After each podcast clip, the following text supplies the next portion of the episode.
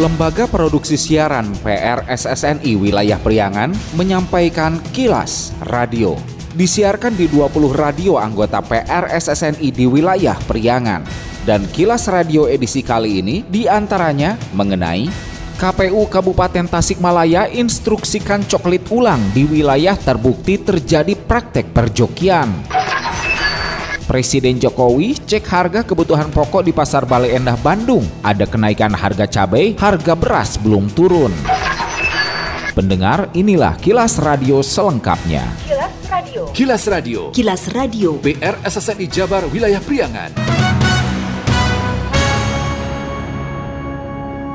Komisi Pemilihan Umum KPU Kabupaten Tasikmalaya tak menampik temuan adanya petugas pemutakhiran data pemilih Pantarlih yang dijokikan kepada orang lain dalam proses pencocokan dan penelitian coklit data pemilih pemilu 2024. Ketua Divisi Sosialisasi dan Sumber Daya Manusia SDM KPU Kabupaten Tasikmalaya Istianah mengatakan praktek perjokian itu terjadi di wilayah salah satu TPS di Desa Sukamenak, Kecamatan Sukarame, di mana di tempat itu terbukti salah seorang Pantarlih di digantikan oleh istrinya untuk melakukan coklit. Menurut Istiana, antisipasi terjadinya praktik perjokian saat pencocokan dan penelitian coklit pemilu 2024, KPU ambil langkah taktis jika ditemukan perjokian maka petugas pemutakhiran data pemilih Pantarlih diinstruksikan untuk melakukan coklit ulang di wilayah yang terbukti terjadi praktek perjokian Pantarlih. Berikut keterangan yang disampaikan Istianah kepada Aris Aka Kilas Radio Senin 6 Maret pagi.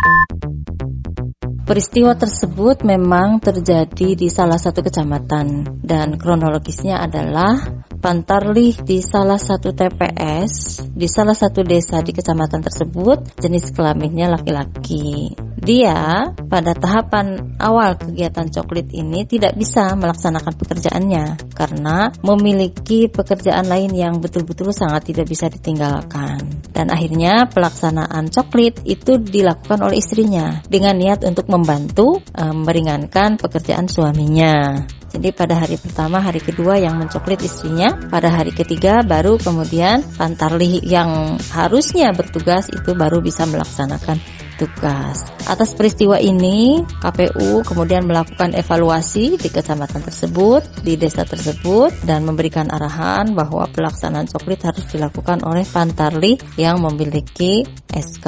Dan kemudian kami juga memerintahkan kepada PPS di desa tersebut untuk melakukan pengulangan coklit yang dilaksanakan bukan oleh Pantarli. Sebelumnya, Badan Pengawas Pemilu Bawaslu Kabupaten Tasikmalaya menemukan panitia pemutakhiran data pemilih Pantarlih yang digantikan tugasnya oleh orang lain atau dijokikan. Total hingga Kamis 2 Maret ditemukan dua praktek perjokian dalam proses pencocokan dan penelitian coklit. Kasus pertama di Desa Sukamenak, Kecamatan Sukaramai akhir Februari lalu. Pantarlih adalah suaminya yang mempunyai surat keputusan SK penugasan sementara yang melakukan pencocokan dan penelitian adalah istri istrinya. Kedua, temuan di Desa Sukaluyu, Kecamatan Mangunreja, diketahui Pantarlih digantikan orang lain yang tidak mempunyai SK penugasan dari KPU sehingga tidak sesuai aturan. Presiden Joko Widodo telah meresmikan empat infrastruktur di wilayah Bandung untuk mencegah banjir dan mengurangi kemacetan. Kepala negara didampingi sejumlah pejabat pusat dan provinsi serta kabupaten dan kota Bandung lakukan penekanan tombol sirine di peresmian infrastruktur kolam retensi Andir Kabupaten Bandung Minggu 5 Maret. Presiden mengatakan masalah kemacetan dan banjir menjadi dua hal utama yang masih dihadapi Bandung sebagai salah satu kota besar di Indonesia. Karenanya, pemerintah membangun tiga infrastruktur untuk mencegah banjir. Dengan mengucap Bismillahirrahmanirrahim, pada sore hari ini saya resmikan kolam retensi Andir, kolam retensi Cienteng, dan flatway Cisangkui di Kabupaten Bandung, dan flyover Popo di Kota Bandung, Provinsi Jawa Barat. Pemerintah mengucurkan anggaran 632 miliar rupiah untuk sodetan Cisangkui, 204 miliar untuk kolam retensi Cienteng, dan 142 miliar untuk kolam retensi Andir. Sementara guna memperlancar lalu lintas dan mengurangi kemacetan kota Bandung, pemerintah telah membangun flyover atau jalan layang Kopo senilai 288 miliar rupiah. Totalnya yang telah dibangun pemerintah pusat di kota Bandung dan Kabupaten Bandung sebesar 1,26 triliun rupiah. Diketahui infrastruktur pengendali banjir seperti sodetan Cisangkui, kolam retensi Cienteng, dan kolam retensi Andir dibangun untuk mengurangi genangan luapan sungai Citarum di kawasan Kabupaten Bandung bagian selatan. Lalu Jalan Layang Kopo memiliki panjang 1,3 km dan membentang di Jalan Soekarno-Hatta di daerah Kopo yang merupakan jalur utama bagi para komuter untuk wilayah Cimahi Bandung serta penghubung kota Bandung dan Kabupaten Bandung. Kilas Radio. Kilas Radio. PR SSNI Jabar Wilayah Priangan. Musim hujan telah tiba. Waspadai kawasan sekitar Anda yang berpotensi rawan bencana alam, longsor, banjir, angin puting beliung, dan lain-lain. Siagakan diri kita setiap saat, setiap waktu untuk meminimalkan korban jiwa. Tingkatkan siskamling antar warga Segera komunikasikan dengan pihak terkait bila ada tanda-tanda awal potensi bencana alam. Iklan layanan masyarakat ini dipersembahkan oleh Kilas Radio. Bila Anda mendapatkan hal-hal atau peristiwa penting untuk diliput oleh tim Kilas Radio, hubungi hotline servis kami, SMS atau WA ke nomor 0813 2424 5911 0813 2424 5911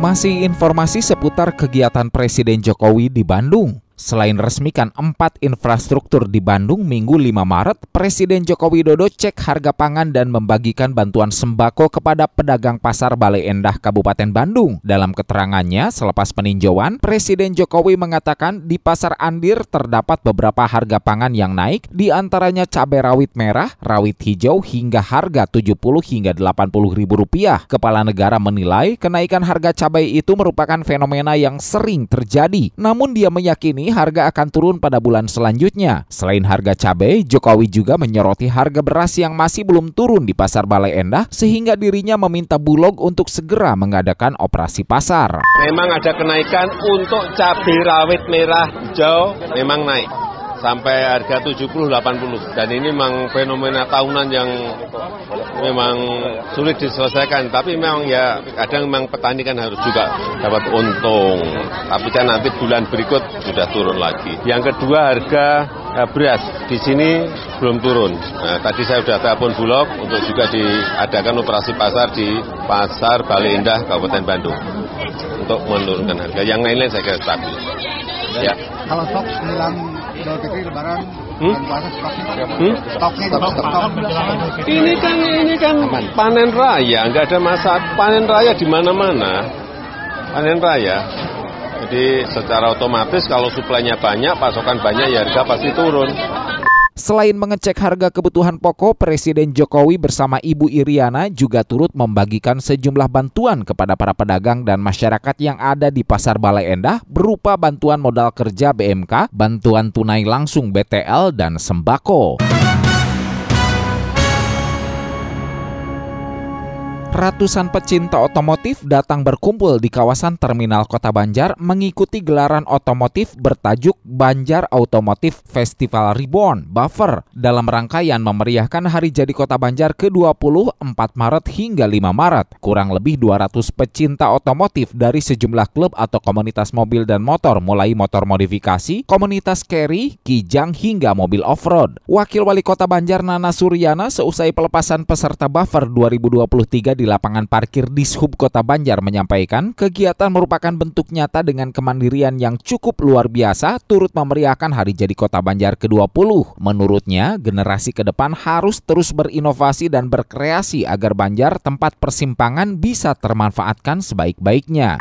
Event ini kan tujuannya nantinya event nasional. Kita mendatangkan orang dari luar kota Banjar untuk berkumpul di Banjar. Silakan mencari uang di luar kota Banjar tetapi buang uangnya di Banjar sehingga terjadi putaran ekonomi keuangan yang luar biasa di Kota Banjar. Latihan pemuda-pemuda itu mulai berinovasi, kemandiriannya juga muncul.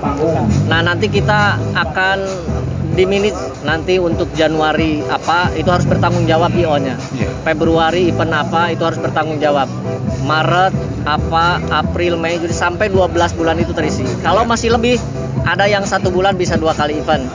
Sementara Ketua Panitia Buffer 2023 Anggi menuturkan gelaran dilaksanakan melihat maraknya pecinta otomotif di Kota Banjar dan untuk menyalurkan hobi dengan hal positif. Acara ini juga untuk memperkenalkan potensi yang ada di Kota Banjar ke halayak umum sehingga dapat menarik minat warga dari luar untuk datang ke Kota Banjar.